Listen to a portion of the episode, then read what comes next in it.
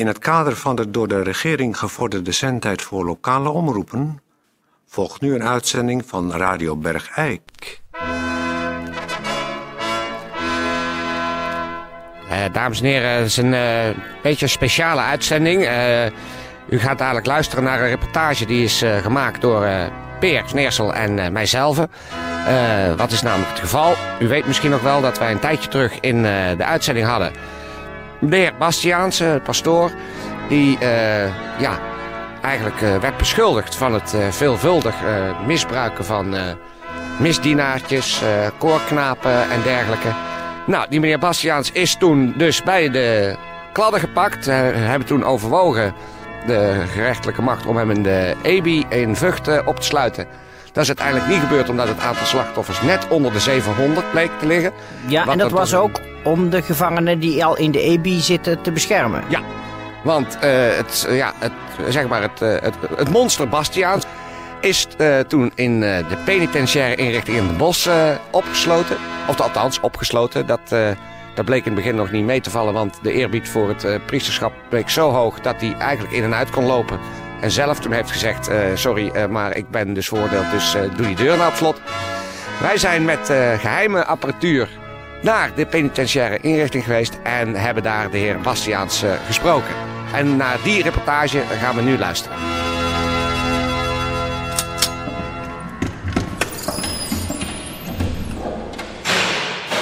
Ja, dames en heren, uh, wij lopen hier uh, door de immense gangen van de penitentiaire inrichting in Den Bosch. Beer en ik hebben een, onze spullen in een boodschappentas bij ons. En we hebben gebruik gemaakt van het bezoekrecht wat de heer Bastiaans heeft gekregen. En wij gaan proberen met de heer Bastiaans in gesprek te komen. sorry, Toon, dit is je moet een beetje in de richting van de boodschappentas praten. Oké. Want anders komt het er niet goed op. Ja. Maar wel, op, wel onopvallend. De antenne steekt uit de boodschappentas in mijn rechtermouw. Dus je moet niet onverhoeds de boodschappentas uit mijn hand drukken. Juist.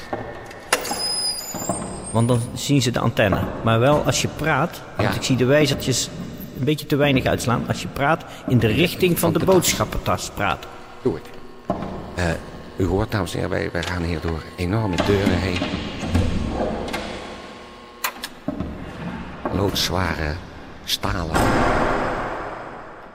dingen die voor ons worden open gedaan en daarna weer enorme sloten dicht slaan. Het is ook een beetje onwerkelijk dat we verder helemaal niemand zien. Er wordt door camera's worden wij in de gaten gehouden. En als automatisch schuiven voor ons de grote hekken open en achter ons vallen ze met een donderend geweld weer dicht.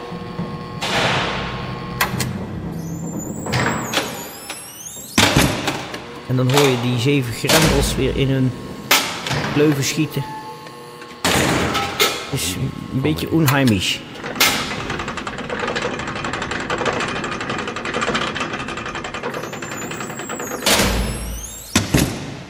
We komen nu in een bezoekersruimte. Je moet zich dat ongeveer voorstellen als een enorme glazen wand die opgetrokken is en waar stoeltjes aan weerszijden staan. En een soort ja, telefoonachtige Inge, daar gaan wij nu zitten. En we zien dat aan de andere kant van het gewapende glas. Oh, wacht even. Wat? Nou, kijk, wij moeten door de telefoonhorens praten, maar wat de andere kant zegt, komt uit dat luidsprekertje. Dus nou moet ik de boodschappentas bij, bij dat luidsprekertje houden. Dus dat geeft mij een beetje onnatuurlijke houding, maar ik. Geloof dat ik me wel onopvallend hier tegen de muur kan vouwen. Met die boodschappentas en dat de antenne nog in mijn rechtermouw blijft zitten. Voor aan de andere kant van het glas allemaal weer van die grote loodzware deuren open gaan. En gaat nu een deur open en inderdaad, daar is Bastiaans die tegenover ons achter het glas plaatsneemt. Um, goeiedag. Goeiedag, jongens. Ik ben blij dat ik eens een keer bezoek krijg. U bent toch van Sporenbergen? Van uh, tegenover, achter het half. Ja. Bij uh, snackbar het Puddingske. Precies. Ja, ik ken uw broertjes, jonge broers, ken ik heel goed. Oh ja. Moest u misschien daar nog van mij aan de groeten doen? Of hebben ze niks? Nou, die hebben zich wat op de vlakte gehouden, eh, meneer Bastiaan. Oh, ja.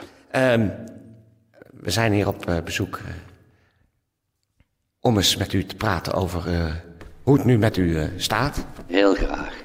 Heel graag, daar wil ik graag iets over vertellen, want mooi is het allemaal niet natuurlijk. Kijk, wat ik gedaan heb, ja ach, dat is, mag misschien dan niet, voor de gewone mensen, zal ik maar zeggen, maar ik heb nog niemand gezien of gesproken of gehoord die zei, meneer Pastoor, uh, dat was niet goed wat u met mij gedaan hebt. Ik ben er vandaan gaan stotteren, of ik heb het van in mijn rug gekregen, of ik kan op school niet goed leren. Allemaal vonden ze het een mooie tijd toen ze misdienaar of koorzanger waren. Dus van koude drukte eigenlijk om niks. Ja, toch heeft de, de rechter uh, ferme woorden aan uw adres besteed. En zit u hier toch nog een aantal jaren. Uh... Ja, maar een rechter kan ook dwalen. Een zielenherder kan dwalen, maar een rechter ook. En ze hebben mij toch wel heel hard te pakken en te grazen genomen. Dan zeg ik het zelf. Ja, nou, nou moet mij toch één ding eigenlijk van het hart dat u lijkt toch heel weinig eigenlijk spijt te hebben van uh, het leed wat u uh, toch menig een heeft aangedaan in de loop der uh, jaren. Ja, maar... Dus, ik, vroeging ja, lijkt niet... niet nee. Nee, maar zoals ik al zei, ik heb ook nog niemand op de stoep gehad die zei... Meneer Pastoor, vindt u een boef? Hoort in het tuchthuis thuis.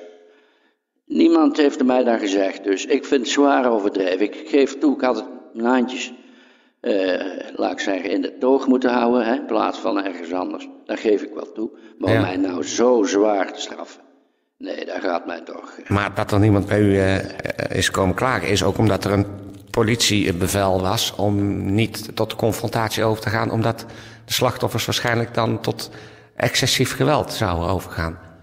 Nou, daar had ik dan toch nog wel eens willen zien. Ik geloof er helemaal niks van. Nee, nee. Nee, want ik krijg toch ook wel pakketjes zo toegestuurd. Hè? Met een pakje check of een doosje maar, maar, maar, maar wacht u nou eens even, uh, uh, pastoor Bastiaanse. Het is voor u toch niet te ontkennen dat er zoveel jongens in Bergijk lid zijn geworden van de vereniging Slachtoffers Pastoor Bastiaanse dat die jongens een drempel hebben moeten overwinnen om zich aan te melden als lid van die vereniging. Dat die verenigingsavonden bol staan van de, van de frustratie en van de snikkende mannen, volwassen mannen die, die, die huilen en huilen en, en vertellen over hun, hun moeilijkheden in het huwelijksleven nu. Doordat u vroeger uw handen niet eh, nou, thuis kon nou, houden. Nou, en ik zie nu helemaal bij u geen enkele spijt, geen berouw, zelfs geen vroeging over wat u die, die jongens hebt aangedaan. Ja. Ja, nou, u zegt het nou allemaal zo dat die clubavonden zo druk bezocht zijn, dat klopt wel. Omdat het daar vrij drinken is, om maar eens iets te noemen. En vrij roken. En ja, zo kan ik natuurlijk ook een mooie avond organiseren. En ik heb nooit brieven gehad of iets gehoord of een telegram of op de radio, want die luister ik elke dag. Ik bedoel, jullie zeggen dan nou allemaal maar zo, maar ja, ik heb het idee dat ik wel een beetje fout ben geweest, maar wie is er nou niet fout? Nou, wacht u nou eens even, want dit is werkelijk verschrikkelijk. De ontkenning die u nu uit. ten nou, opzichte van het leed van al die mannen, die, die jonge mannen die nog aan, aan het begin, aan de bloei van hun leven stonden, die u in de seksuele knop hebt, hebt, hebt, hebt, hebt geknakt. Waardoor er in zoveel Bergijkse huwelijksbedden nu, nu, nu s'nachts tranen vergoten worden in plaats van sperma. Om, om, omdat ze de herinnering hebben aan, aan, aan een geestelijke die, die, die, die van vuiligheid uh, niet meer wist. Uh, nou ja, ik kom gewoon niet meer uit woorden. En wat ik het ergste vind, en dat moet mij nu eens een keer van het hart. Hè, Bastiaans, ik kan gewoon, gewoon geen pastoor meer noemen. Dat ik als de kleine. Ik kan geen lid worden van die vereniging. En u weet heel goed waarom. Ja. Want ik heb mij als kleine perke ja, meermalen aan u aangeboden. en u heeft mij gewoon geweigerd. Ik weet het, jongen. Omdat ik toen op het moment was gekomen.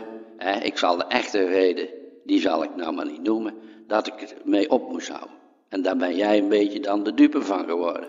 Want je bent eerlijk gezegd ook niet echt groot geschapen, hè? als ik het me goed herinner. Nou, Maar ik wou nog iets anders zeggen als dat mag, heer. Ja, U even- zei net de liefde. Ton, ik ga je weg. Deze man is echt verschrikkelijk. Hoezo? ja. Ik bedoel het toch goed? Nou, hier was ik mij niet van bewust dat Peer zich destijds aan u heeft aangeboden. Ja, u- natuurlijk. Ja, Ik, ik heb hem geweigerd. Dat is toch, toch heel goed? Hij heeft me gewoon de biechtstoel uitgeschopt. ja. Peer, rustig, rustig. Ja, Bastiaan, zou u niet alsnog een keer eh, Peer willen... Nee, nee, nee, nee. Dat, moet, dat voorstel moet u mij niet doen. A, ben ik veroordeeld en B, hij is veel te oud ook, hè. Dat moet ik. Mag ik nog iets zeggen wat u net zei? U zei de liefde in de knop gebroken. Ja, Ik zou liever zeggen, ik heb de jongens een eindje op eh, weg geholpen. Dat klinkt toch anders? ja, ja, maar ja, u ziet nu zelfs hier al Ja, We gaan hier weg, Toon. een indirect slachtoffer van... van ja, nou... Deze man is verschrikkelijk. Ja. Nou, Peer die ziet het helemaal niet meer zitten. Eh, meneer Bastiaans, nou, u zit hier nog een eh, jaar of wat? vier en een half om Vier- precies te zijn. Vier en een half. Ja, Veel te lang. ik moet zeggen dat ik toch persoonlijk ook wel echt getroffen ben door het feit dat u geen enkele tekenen van berouw of voeging toont. Dat is toch echt schokkend. En Ja, ja, ja, dat zegt u nou, maar ik heb wel berouw. toch wel. Ja, maar als ik bid, dan eh, besef ik dat heel goed. En dan, eh, dat, dat is ook het enige wat telt, hè. Ja, de- Kijk, de rechter van de wereld kan mij niet vergeven, maar daarboven wel. ja, ja. ja. Dus daar heb ik al aan geregeld dat dat in orde komt. Daar hoeven jullie je eigenlijk niet zo heel druk om te maken. Hé, hey, Toon, ik vind het wel genoeg geweest. Ja. Eh, Nou, eh, meneer Bastiaans, eh, st- eh, ja, wat moet ik nou zeggen? Eh, Zullen we Wij- er wij- maar over ophouden, jongens? Hè? we laten u hier en eh, Echt verschrikkelijk. Verschrikkelijk. pak- hou die tas nog goed vast. Och, Nou, rustig maar, jongen. ik ben die, die boodschappentas helemaal vergeten. Nou, we zullen straks wel luisteren of het er nog op staat. We gaan nu weer door eh, de zware deuren naar buiten. Het is echt, het is een beest. Het is, is een het is verschrikkelijk.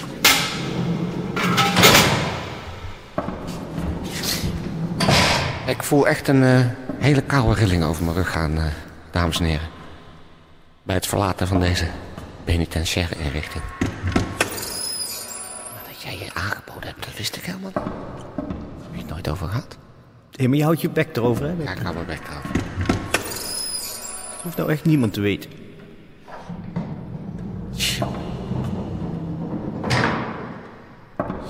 Hij schopte me gewoon echt van zijn schoot af.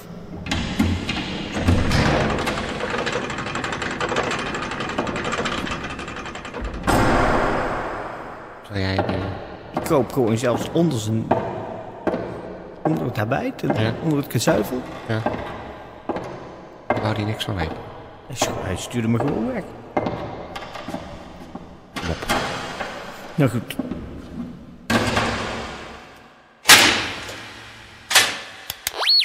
Nou, tot eh, zover deze reportage, dames en heren. We hebben eh, lang geaarzeld of we hem uit zouden zenden, omdat misschien veel van de slachtoffers dit eh, toch moeilijk zouden kunnen verteren. Maar aan de andere kant is het onze journalistieke plicht om dit soort dingen toch schaamteloos voor het voetlicht van de radio te werpen. Het is eh, schokkend dat in eh, de moederkerk dus dit soort praktijken blijkbaar aan de orde van de dag zijn. Eh, voor alle zieken in Bergijk, wetenschap, alle gezonden, kop op. En alle slachtoffers van de heer Bastiaanse. Een hart onder de riem namens Peer van Eersel en Toon Sporenberg van Radio Bergijk.